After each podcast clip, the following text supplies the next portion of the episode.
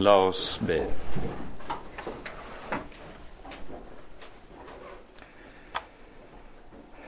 Kjære du vår Herre, du vår Gud og vår Far.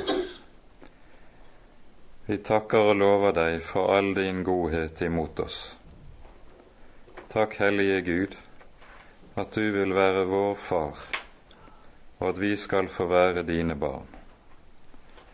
Takk for barnekåret du har gitt oss i Jesus, med alt det det innebærer å gi løfte om. Nå ber vi, Herre, at du også vil sende oss din gode Hellige Ånd, at Han må få være hos oss og åpne øynene våre, så vi kan få se lys i ditt lys. Herre, åpenbar du dine ord for våre hjerter. Amen. Sist gang så um, tok vi altså for oss de tre første versene i det tredje kapittelet i første Johannes brev. I dag går vi nå videre derfra, og vi beveger oss dermed over i den andre hoveddelen, hvis vi med det tenker på at apostelen her i dette brevet tar opp to ulike grunntyper av vranglære.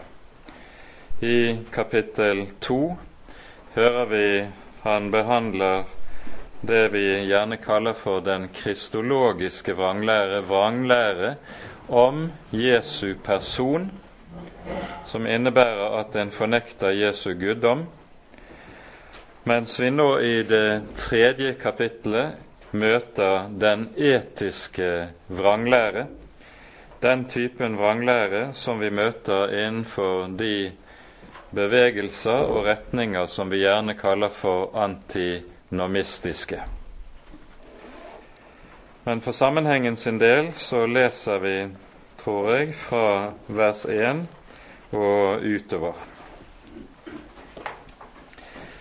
Se hvor stor kjærlighet Faderen har vist oss, at vi skal kalles Guds barn, og det er vi. Derfor kjenner verden ikke oss, fordi den ikke kjenner Ham. Dere elskede, nå er vi Guds barn, men det er enda ikke åpenbart hva vi skal bli. Men vi vet at når Han åpenbares, da skal vi bli ham like, for vi skal se ham som han er.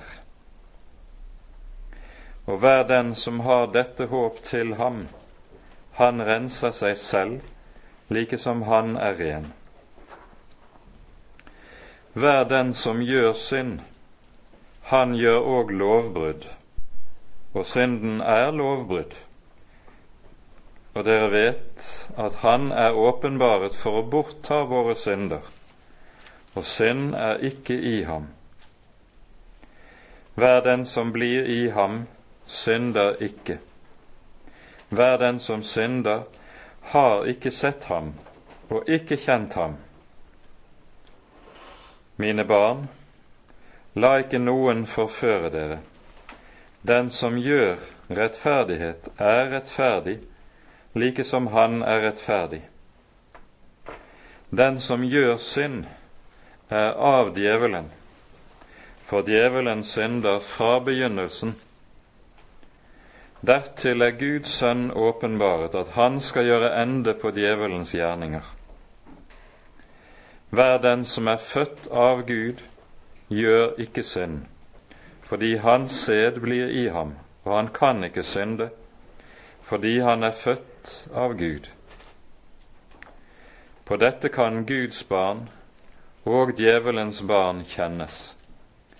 Hver den som ikke gjør rettferdighet, er ikke av Gud. Heller ikke den som ikke elsker sin bror.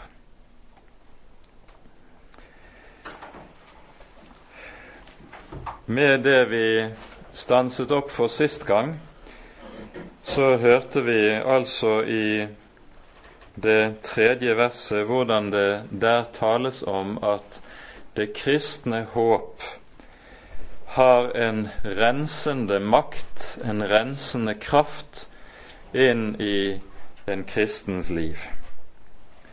Det henger sammen med at når vi lever i forventning om at Jesus kommer, at han kommer tilbake, da er det noe som også hjelper oss til å våke.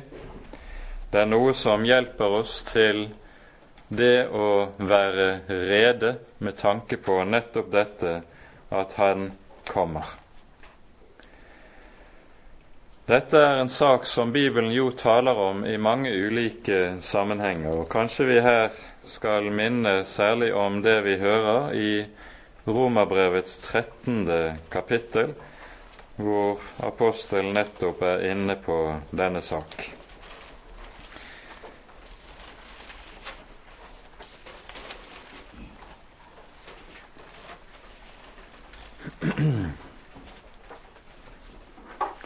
Her hører vi slik i Romane 13 fra vers 12 av.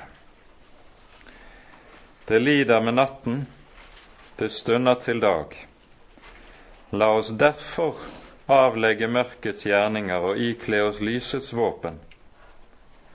La oss vandre sømmelig, som om dagen, ikke i svir og drikk og ikke i løsaktighet og skamløshet, ikke kiv eller avvind men ikle dere den Herre Jesus Kristus, og bær ikke således omsorg for kjødet, at der vekkes begjærlighet.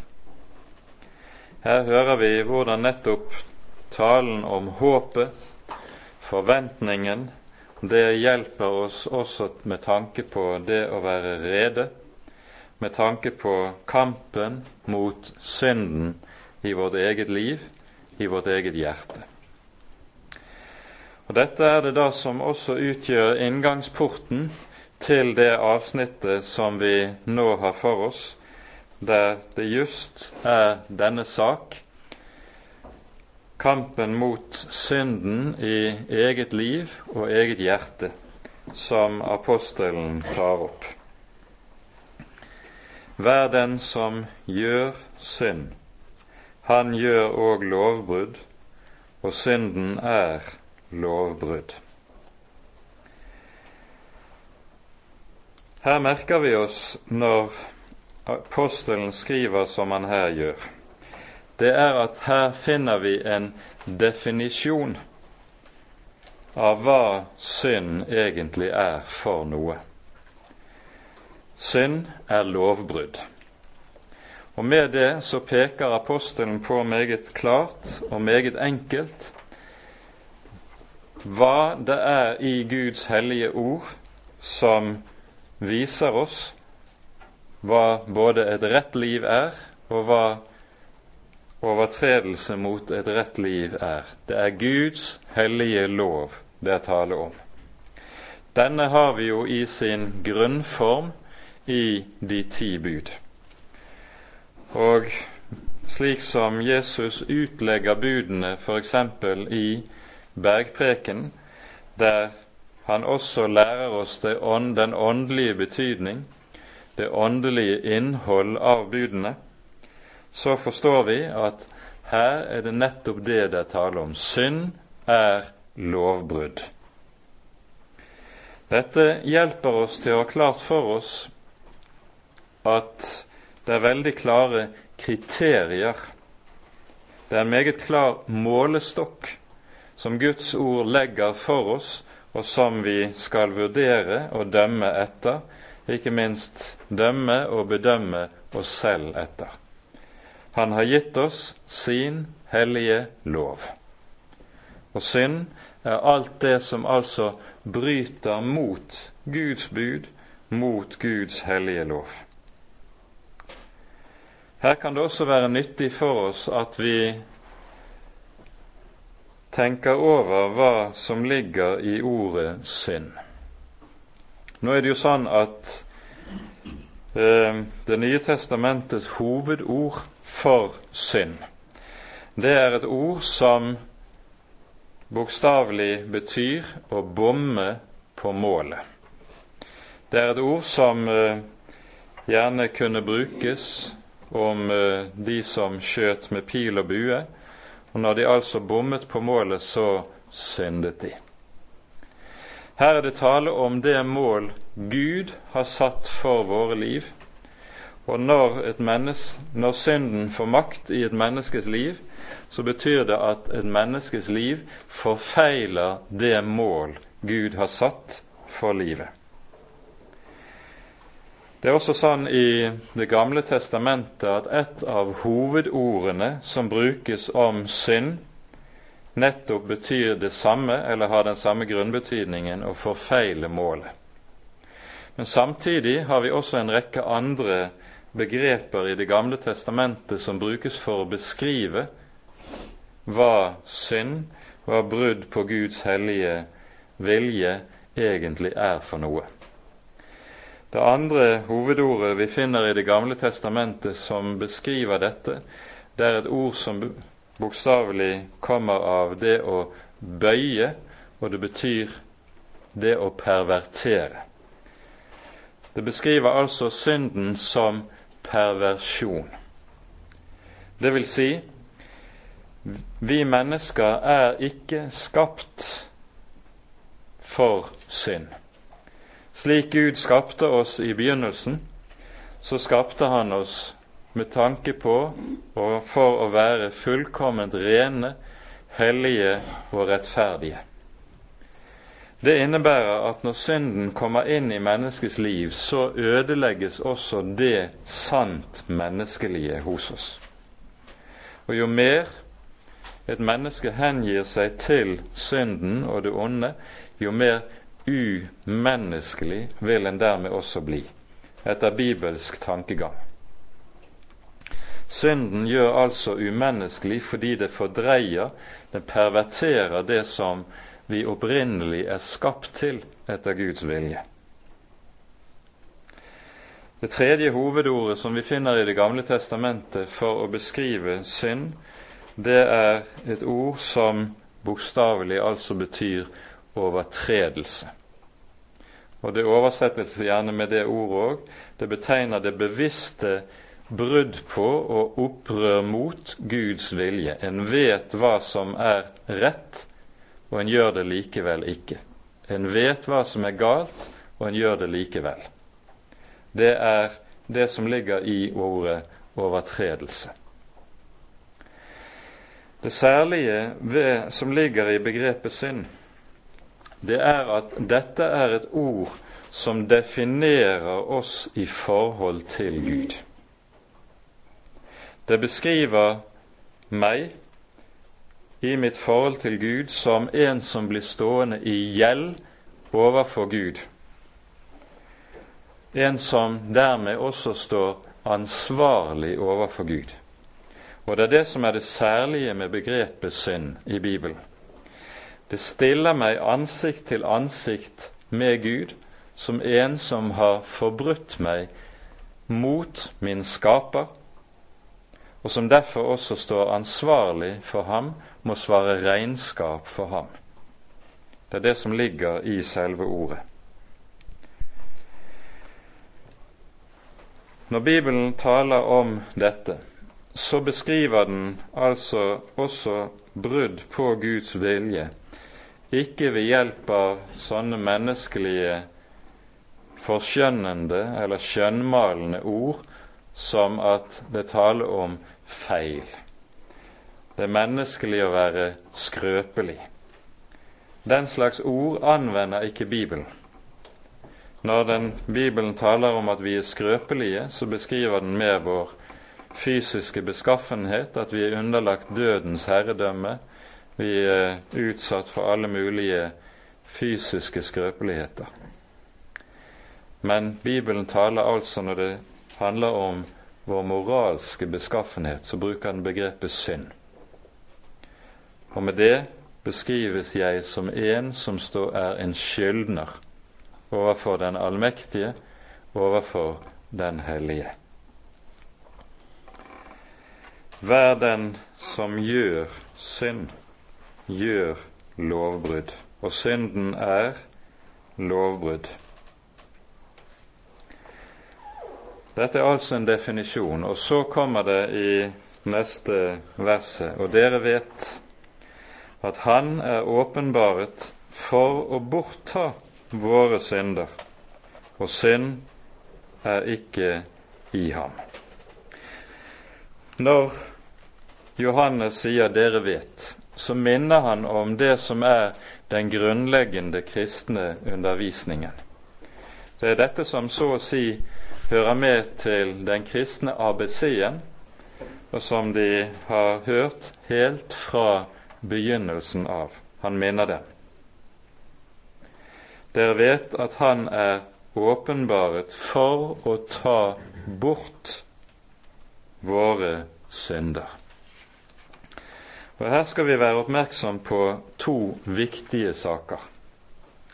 For det første, det ordet som her er oversatt med 'å ta bort', det er det samme ordet som anvendes i Johannes 1, 29, der vi hører døperen si om Jesus:" Se der Guds lam som bærer verdens synd.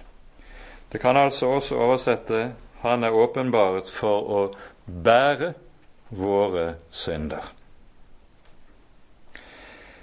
Nå er det sånn at dette ordet som her brukes for å bære eller ta bort, det kan bety begge deler. Det går tilbake til et hebraisk ord i Gamle testamentet som henger sammen med offertjenesten i tempelet.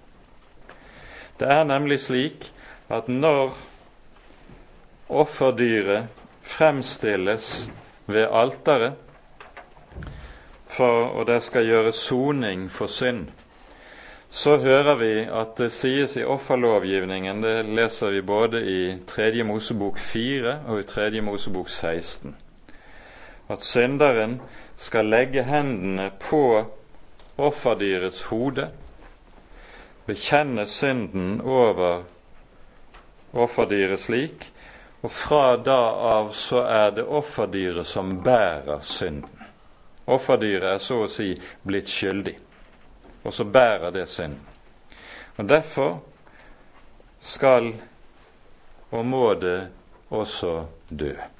Det slaktes, det ofres. Derfor er dette ordet for å bære synd det er selve grunnordet i Det gamle testamentet som betegner og beskriver både det at det gjøres soning for synd, og dermed også at synden tilgis og forlates.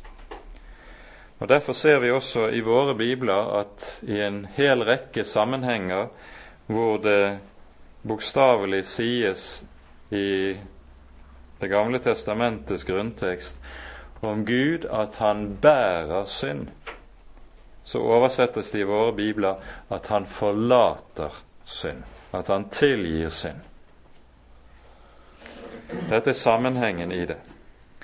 Når synden forlates, så tas den altså bort. Når det her sies om Jesus at han er åpenbaret for å ta bort, eller bære bort, våre synder, så handler det i denne sammenheng om to forhold.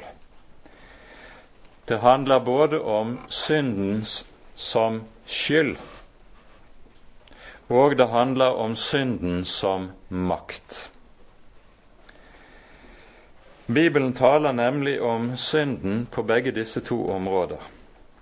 Det å bli rettferdiggjort ved troen, det å eie syndenes forlatelse, det handler om at synden som skyld blir tatt fra meg ved Jesu kors.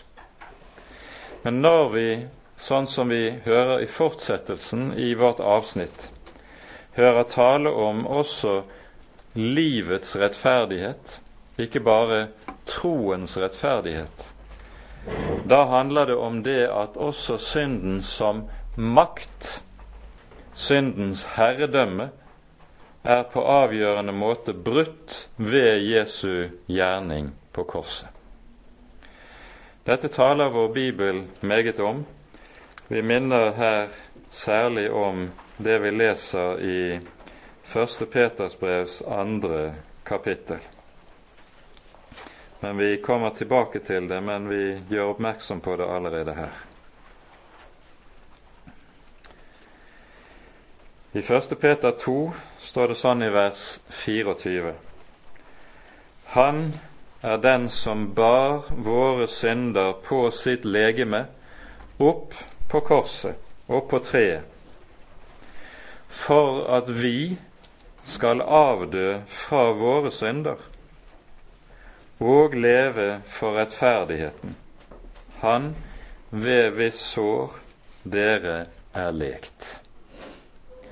Og Her ser vi at i dette verset så tales det om begge de to slags rettferdighet som vi hører om i Bibelen. Både troens rettferdighet og livets rettferdighet.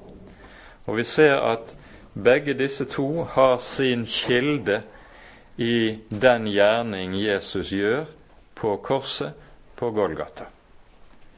Vi kommer tilbake til det om litt. Nå sies det i tillegg her synd er ikke i ham. Når det i denne sammenheng understrekes dette at Jesus er fullkommen, han er syndfri, så er jo det en grunnsannhet i Det nye testamentet. Det er en grunnsannhet som utgjør selv en av hovedforutsetningene for at vi i det hele tatt kan bli frelst. Dersom Jesus ikke var syndfri, da var også frelsen umulig for vårt vedkommende. Og Jesus syndfrihet understrekes jo i en rekke ulike sammenhenger i Det nye testamentet. Her skal vi bare kort peke på hva vi hører i Hebreabrevet i det fjerde kapittel, der det sies sånn i vers 15. 15. 4. Vi har ikke en øverste prest som ikke kan ha medynk med våre skrøpeligheter, men en sådan som er blitt prøvd i alt, i likhet med oss, dog uten synd. Og Går vi videre i det syvende kapittel, så leser vi sånn i vers 26. For en slik øverste prest måtte vi også ha, hellig, uskyldig og ren, skilt fra syndere og opphøyet over himlene. Og Særlig i dette siste stedet så hører vi at nettopp Jesus syndfrihet er forutsetningen for at han kan gjøre soning for våre synder. Samme saken taler også Paulus om i 2. Korinterbrev kapittel 5. Han som ikke visste av synd, ble gjort til synd for oss, for at vi i ham skulle bli rettferdige for Gud, leser vi her. Jesus syndfrihet er altså en forutsetning for forsoningen. Dersom Jesus nemlig ikke hadde, kunnet, ikke hadde vært syndfri, så hadde han ikke kunnet bære andres synder. Da hadde han hatt nok med å svare for sine egne i tilfelle. Men fordi han ikke har noen å svare for i sitt eget liv, derfor kan han ta på seg andres byrde. Og Det er jo det som er hele Jesu kalls gjerning. Han kommer for å bære for oss, for å bære på våre vegne. Men når Johannes nå understreker Jesus syndfrihet, så gjør han det ikke bare med tanke på det vi her har vært inne på, men også med tanke på å lære oss og minne oss om at synden er noe som er Jesus vesens fremmed, og derfor også slik at eh, den som er i Kristus, for ham skal synden likeledes være noe som er vesens fremmed. Det er dette apostelen nå går videre til å tale om. For han sier dermed i fortsettelsen:" Vær den som blir i ham, synder ikke. Hver den som synder, har ikke sett ham og ikke kjent ham. Det verset vi her har lest, og det som følger etterpå i vers 9, der det altså sies 'Hver den som er født av Gud, gjør ikke synd', fordi hans sæd blir i ham, og han kan ikke synde fordi han er født av Gud. Disse to versene har voldt mang en ærlig og kjempende kristen mye nød og mye anfektelse. Når man nemlig ser på sitt eget hjerte og sitt eget liv, så ser en jo i stedet svært, svært meget både av synd, av nederlag og av elendighet. Og så kommer en i angst, en kommer i samvittighetsnød og spør seg selv hvordan kan jeg være en kristen når Herrens apostel skriver slik? Det er også voldt eh, de som arbeider med utleggelse av Det nye testamentet, atskillige vansker, ikke minst fordi man ofte synes, eller har ment, at Johannes med dette slår seg selv på munnen. Vi har jo gått igjennom kapittel 1, og i kapittel 1 leser vi jo sånn i vers 8 og vers 10. Dersom vi sier at vi ikke har synd, da bedrar vi oss selv, og sannheten er ikke i oss. Her er det altså tale om nettopp dette at synden er noe som ligger i oss og i våre hjerter. Og så i vers 10 legges det til dersom vi sier at vi ikke har syndet, gjør vi ham til en løgner, og synden er ikke i oss. Hvordan kan disse to ting høre i hop? Saken er den at her handler det om det vi det som er presens form i det greske språk. Presensformen, som vi her hører, hver den som blir i ham, synder ikke. Og som vi hører i vers 4, det taler om som gjør lovbrudd. Presensformen har det med seg på gresk at det beskriver noe som er en tilstand som et menneske lever i, og som, har gjort så, som så å si har gjort til sitt element. Det er altså ikke tale om noe som en faller i, men det er tale om noe som en lever i. Og det er, dette, det er nettopp dette som apostelen nå vil advare de troende imot. Svarene til dette har man jo i kristen språkbruk skilt mellom det å leve i synd og det å falle i synd. Og Luther bruker et talende bilde når han vil beskrive dette. Han sier det du kan ikke hindre fuglene i å fly over hodet på deg, men du kan hindre dem i å bygge reir i håret ditt. Og slik er det også med forskjellen på det å falle i synd og det å gjøre synd, eller leve i synd. Når du faller i synd, så er det sånn at synden bryter ut hos oss, men når du sanser deg, så kan, kan du så å si ikke få skyndt deg nok for å få gjort det opp, for å bekjenne det til Herren, for å få syndenes forlatelse på ny. Du kan ikke bli liggende i det. Tvert om, når du faller, så løper du til Herren med det og sier, 'Herre, du ser hva jeg har gjort. Forlat, forlat.' En som gjør det, han lever ikke i synd. Han gjør altså ikke det som apostelen her taler om. Han synder ikke. Hver den som synder, har ikke sett ham og ikke kjent ham.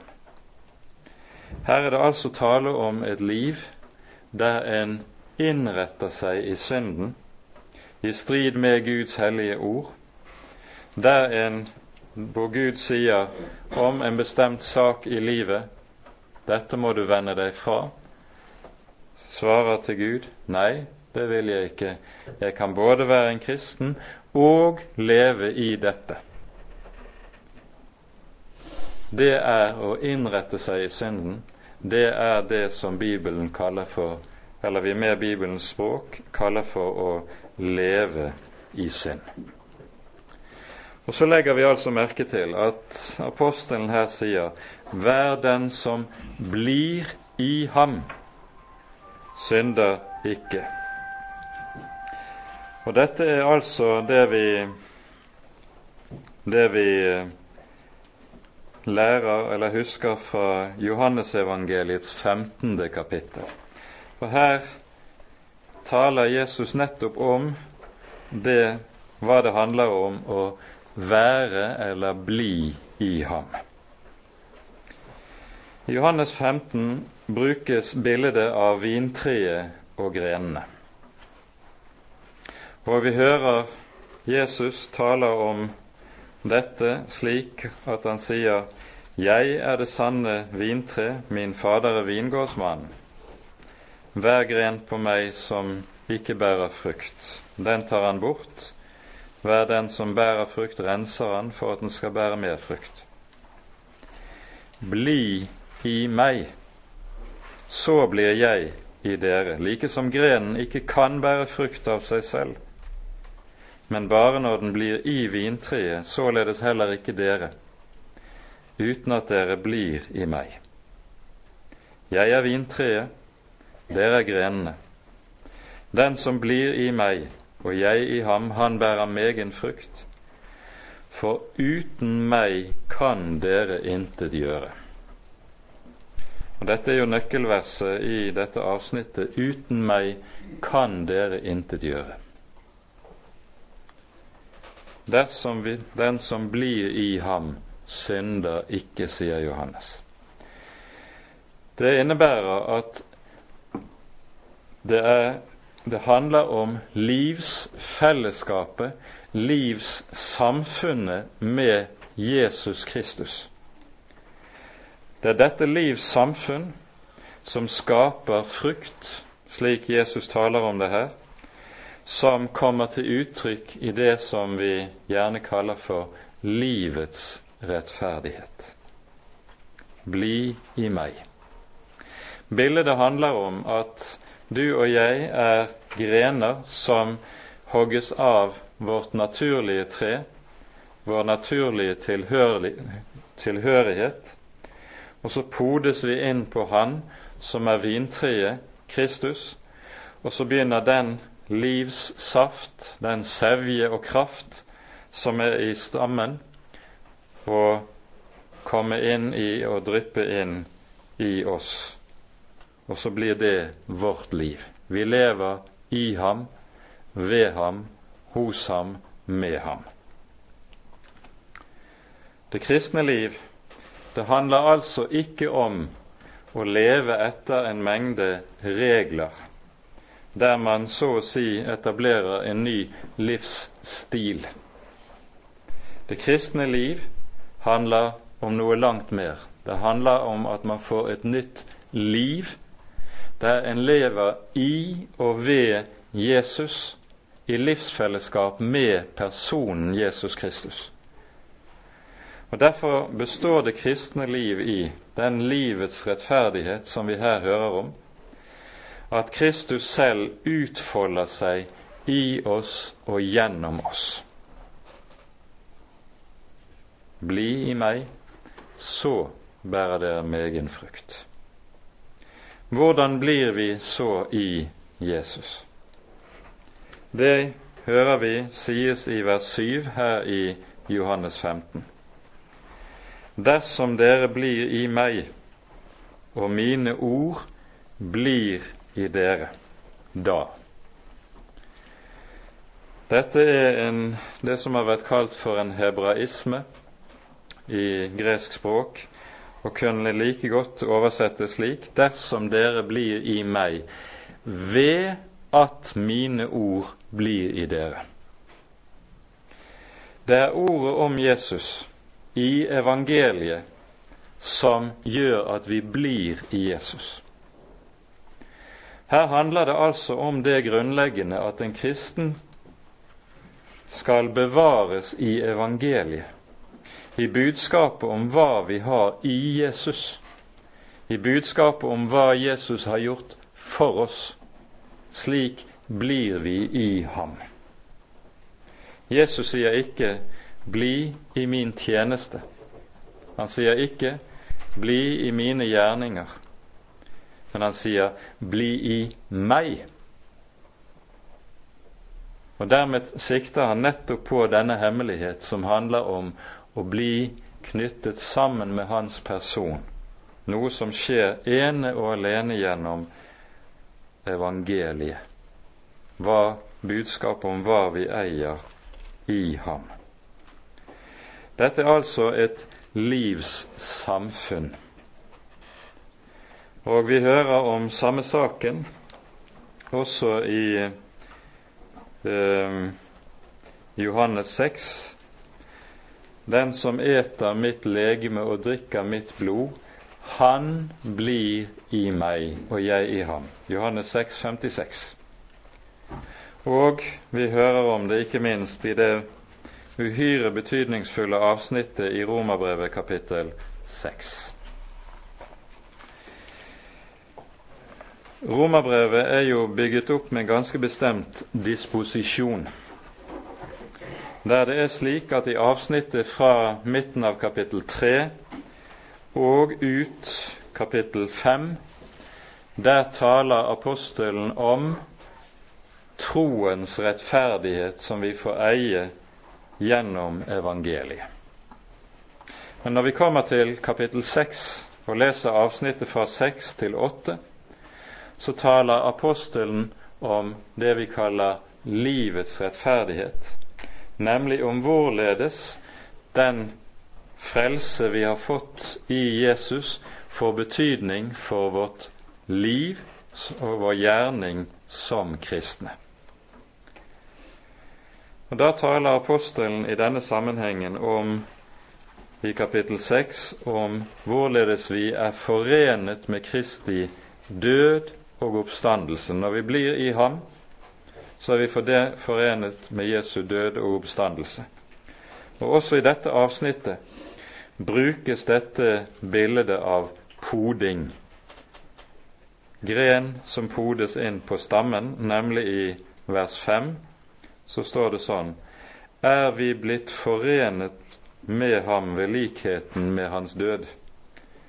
Ordet som er oversatt med 'blitt forenet', det betyr etter grunnteksten egentlig 'blitt innpodet på ham'. Det samme bildet altså som i Johannes 15 vi her møter. Vi er blitt innpodet med ham, eller på ham, og med det er vi dermed også forenet med hans død, og hans oppstandelse. Dette vil gjøre seg gjeldende i et kristent menneskes liv på en slik måte at like som synden er noe som er vesensfremmed for Jesus, så er synd noe som også er det nye mennesket vesensfremmed. Synden ligger der i det gamle mennesket.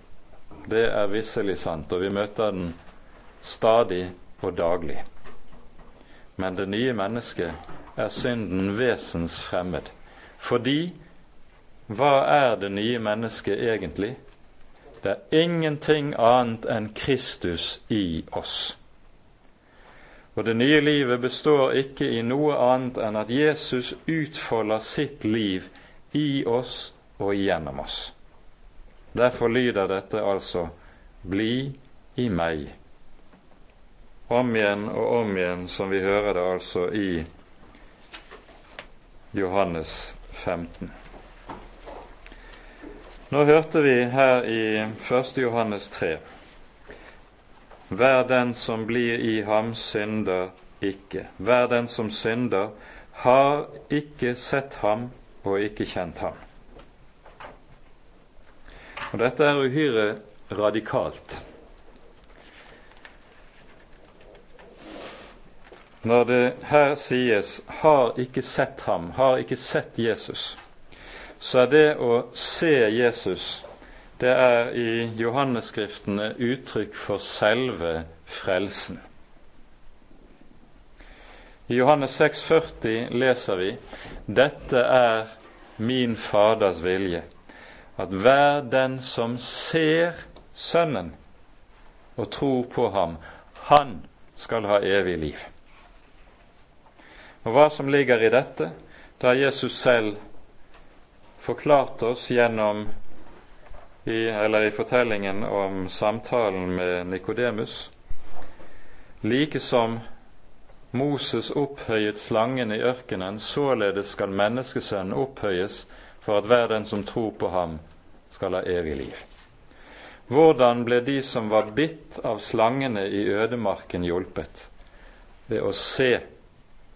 Se på kobberslangen som ble reist opp på staken midt i leiren. Og så var løftet der 'Den som ser, skal leve'. Den som ser, skal leve. Og Nå sier altså apostelen at det mennesket som gir seg ut for å være en kristen, men som samtidig vil innrette seg med synden i livet, vil leve i synd, han har ikke sett ham, og han har heller ikke kjent ham. Og det å kjenne Herren, det er jo det bibelske, et av de bibelske hovedordene for å beskrive nettopp det nære samfunn mellom ham og oss i troen. Dette er det evige liv.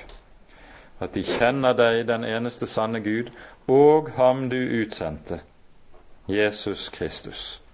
Leser vi i Johannes 17. Å kjenne Jesus det er selve det evige liv. Men det mennesket som altså imot dette innretter seg i synden, han har ikke sett ham og har ikke kjent ham, sier apostelen. Og det som han nå går i rette med, og vi skal være klar over at det er dette som er adressen for det han skriver i disse ting, det er den vranglære som har begynt å løfte hodet i menighetene. Mine barn, la ikke noen forføre dere. Den som gjør rettferdighet, er rettferdig, like som han er rettferdig. Ordet 'forføre', som det her vi her møter, det er et ord som hyppig i Bibelen brukes nettopp om vranglære. Hva er det en forfører gjør? Det han gjør, det er at han gir seg ut for å kunne tilby de som vil høre på han, en velsignelse, noe som er til gode, noe som er til gagn, som en vil ha utbytte av, ja, kanskje som en sågar vil ha åndelig vekst og fremgang ved. Det er forførelse. Og ut fra dette så har djevelen fra gammelt av også båret et bestemt navn. Han kalles for lysets engel. Lucifer, det er lysets engel. Han gir seg ut for å være en som bringer lys til menneskene men der menneskene lytter til ham, kommer de inn i mørket. Og Den vranglære som det her er tale om, og som menighetene nå står i fare for å bli bedratt av, det er det som gjerne kalles for etisk vranglære, og som vi møter særlig i disse brevene i Det nye testamentet. Det som kjennetegnet disse, det kan vi høre om i bl.a. Judas brev, som kommer like etter Johannesbrevene. Her leser vi slik, bl.a. i det tredje og fjerde verset. Dere elskede, mens jeg gjorde meg all flid for å skrive til dere om vår felles frelse, så jeg meg nødt til å skrive til dere med formaning om å stride for den tro som en gang for alle er overgitt til de hellige.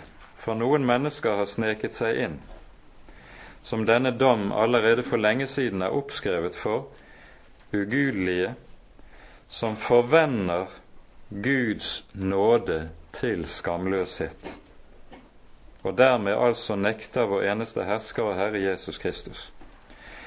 Det å forvende Guds nåde til skamløshet, hva betyr det? Jo, det betyr dette mennesker som kommer og sier siden vi frelses av nåde, uten gjerninger, siden våre gjerninger ikke har noen ting å bety for å frelses skyld, Derfor er det heller ikke så farlig hvordan vi lever. Derfor kan vi leve både slik og slik i strid med Guds hellige bud. Altså, de bruker Guds budskapet om Guds nåde i Jesus Kristus som foranledning til å angripe Guds hellige bud. Og så sier de du kan dermed ikke anse deg som bundet av Guds bud. Du er fri i forhold til det. Samme saken møter vi også i andre Peters brev, og jeg tror vi skal ta oss tid også til å lese derfra. Andre Peters brev, annet kapittel.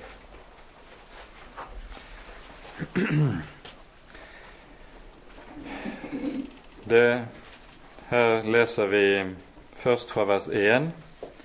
Det oppsto også falske profeter blant folket like som det også blant dere skal komme falske lærere som skal lure inn vrange lærdommer som leder til fortapelse, idet de endog nekter den Herre som kjøpte dem, og fører over seg selv en brå fortapelse. Her hører vi det er tale om vrange lærdommer som leder til fortapelse. Leser vi fortsettelsen, så hører vi en beskrivelse bl.a. ut fra forbilder i Det gamle testamentet om hva som kjennetegnet disse. Og så hører vi i vers 18 hva som lød i deres forkynnelse. Det sier slik Idet de taler skrytende og tomme ord, lokker de i kjøds lyster ved usedelighet dem som just har flyktet bort fra dem som ferdes i sin forvillelse, idet de lover dem frihet, de som selv er vannartens treller. For det en ligger under for, det er en blitt trell av. Vi hører altså her at det taler om forkynnere som taler om den kristne frihet. For det er en frihet som altså da skal gi anledning til at en kan leve i usedelighet.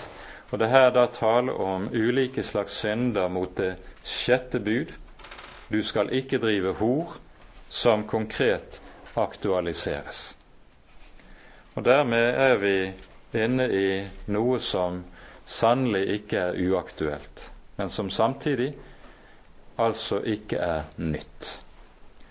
For nettopp de samme røster lyder jo meget hyppig også i våre dager, der man innenfor Kirken hører stadig tale om at den kristne frihet den innebærer at det ikke er så nøye med det ene og det andre bud.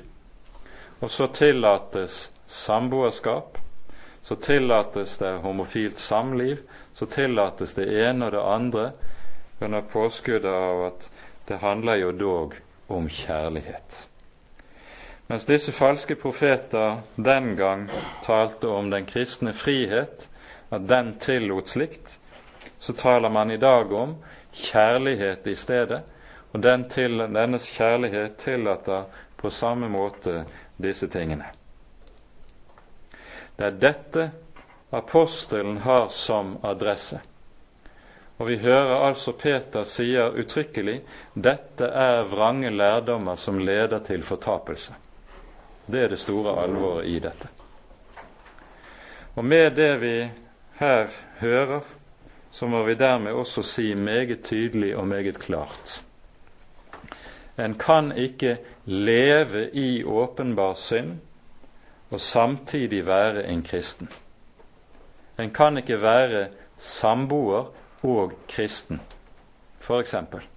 Enten er du samboer, og da er du ingen kristen, eller du er en kristen, og da er du ingen samboer.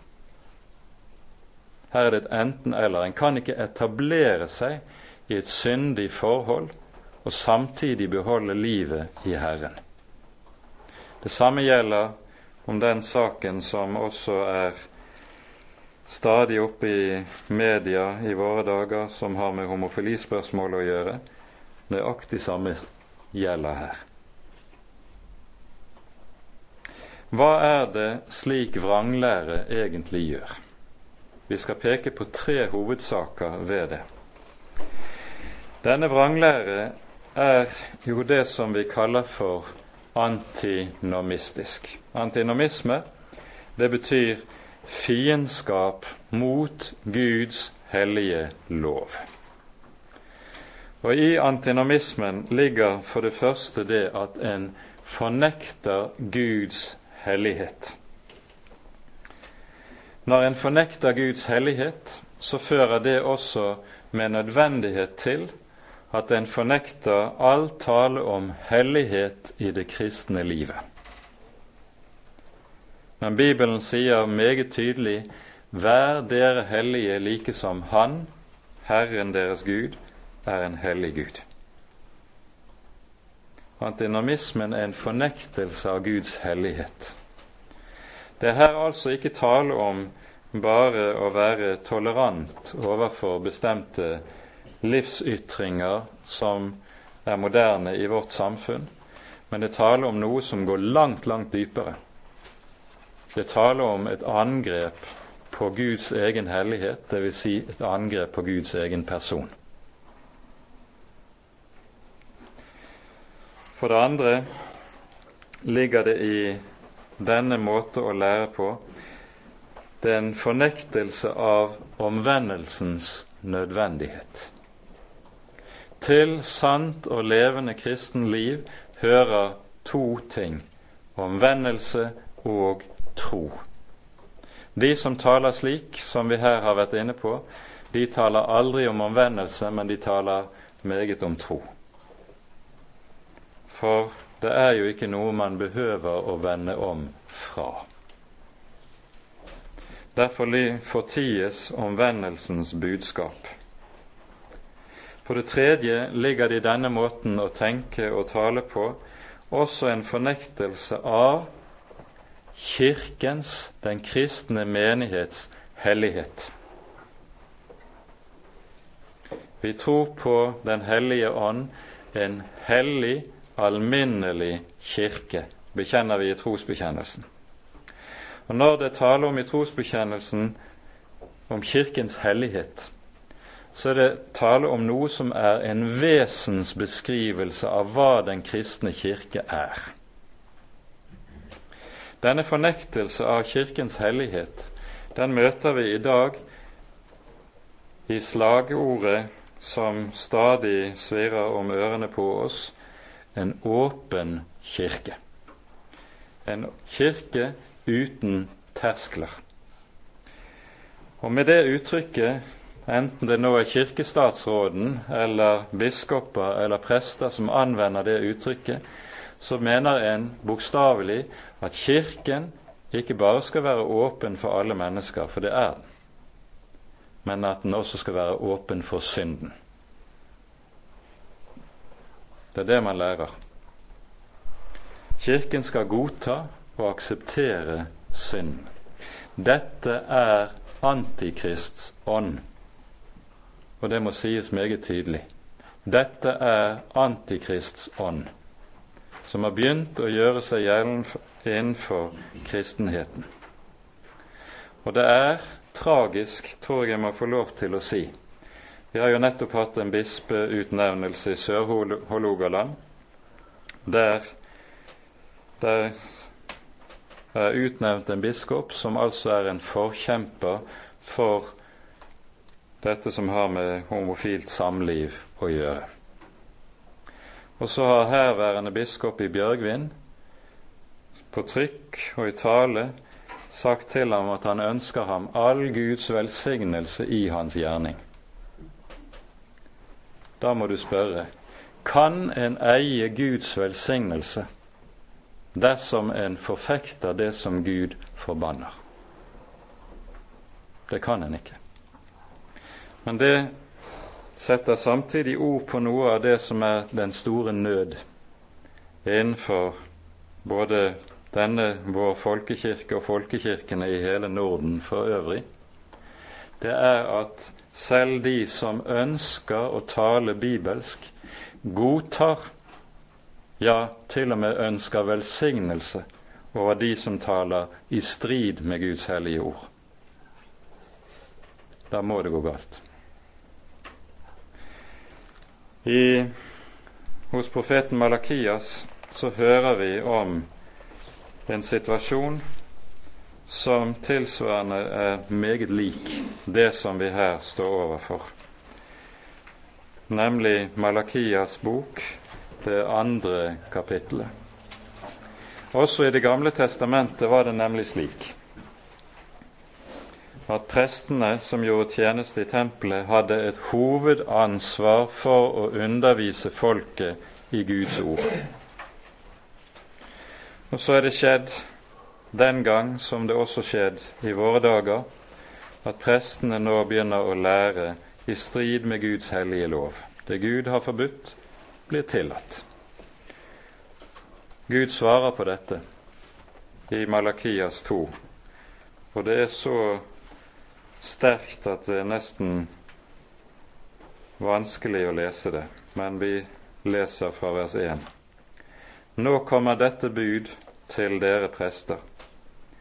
Dersom dere ikke vil høre og ikke vil legge dere det på hjertet, så dere gir mitt navn ære, sier Herren herskarenes Gud, så vil jeg sende forbannelse mot dere, og jeg vil forbanne deres velsignelser. Ja, jeg har alt forbannet dem, fordi dere ikke legger dere det på hjertet. Se, jeg forbanner deres slekt og kaster møkk i ansiktet på dere. Møkk av deres høytidsofre, og dere skal selv bli kastet opp i den. Da skal dere kjenne at jeg har sendt dere dette bud, for at det skulle være min pakt med Levi, sier Herren herskarenes Gud. Den pakt jeg hadde med ham, altså med prestestammen, lovet ham liv og lykke det ga jeg ham for at han skulle frykte meg, og han fryktet meg og var forferdet for mitt navn. Sannhetslov var i hans munn, og urett ble ikke funnet på hans lepper. I fred og ærlighet vandret han med meg, og mange omvendte han fra misgjerning. For en prests leber skal holde fast ved kunnskap, og lov skal hentes fra hans munn. For han er Herrens, herskarenes Guds sendebud.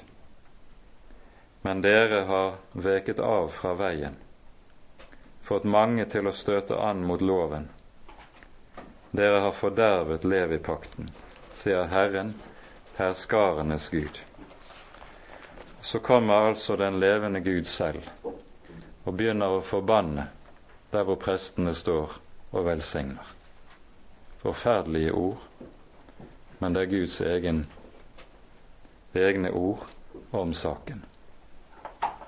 Det er dypt, dypt alvor i dette. For det dette jo innebærer, det er det som apostelen fortsetter med her i kapittel 3, og som vi leser.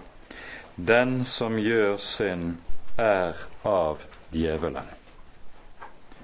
For djevelen synder fra begynnelsen. Dertil er Guds sønn åpenbaret at han skal gjøre ende på djevelens gjerninger.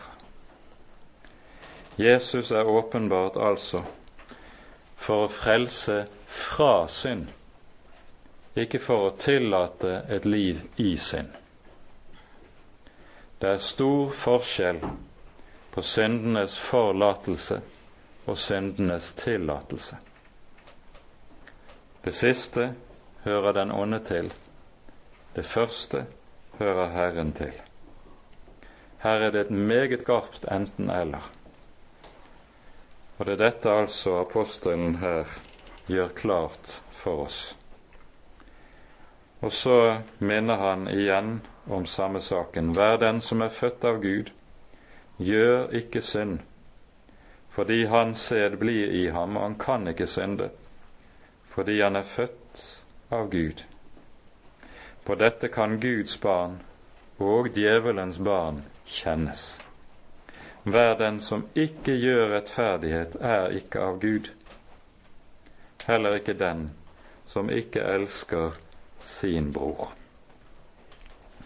Og Med den siste setningen går apostelen over i det neste avsnittet, der han konkretiserer det som her har vært sagt om livets rettferdighet, på en slik måte at vi ser hva det dreier seg om, først og fremst kjærligheten til vår neste. At denne frukt skal finnes blant de troende.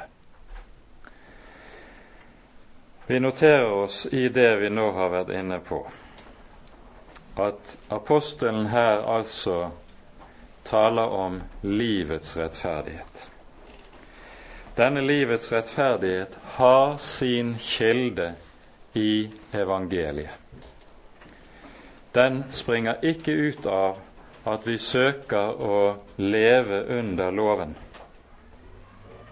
Det er en meget stor misforståelse som vi ofte ser i Kirkens historie og hos mange mennesker også. Rosenius har formulert det slik mange går til Kristus for å bli rettferdiggjort, men de går til Moses for å bli helliggjort. Det er den store feil. For helliggjørelsen, altså livets rettferdighet, den kan ikke gis oss av Moses, dvs. Si ved Moselov.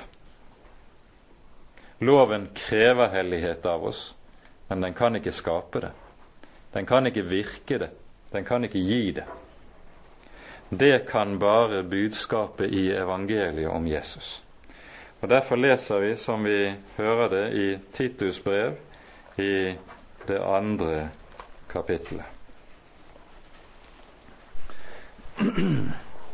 Og vi slutter med disse versene.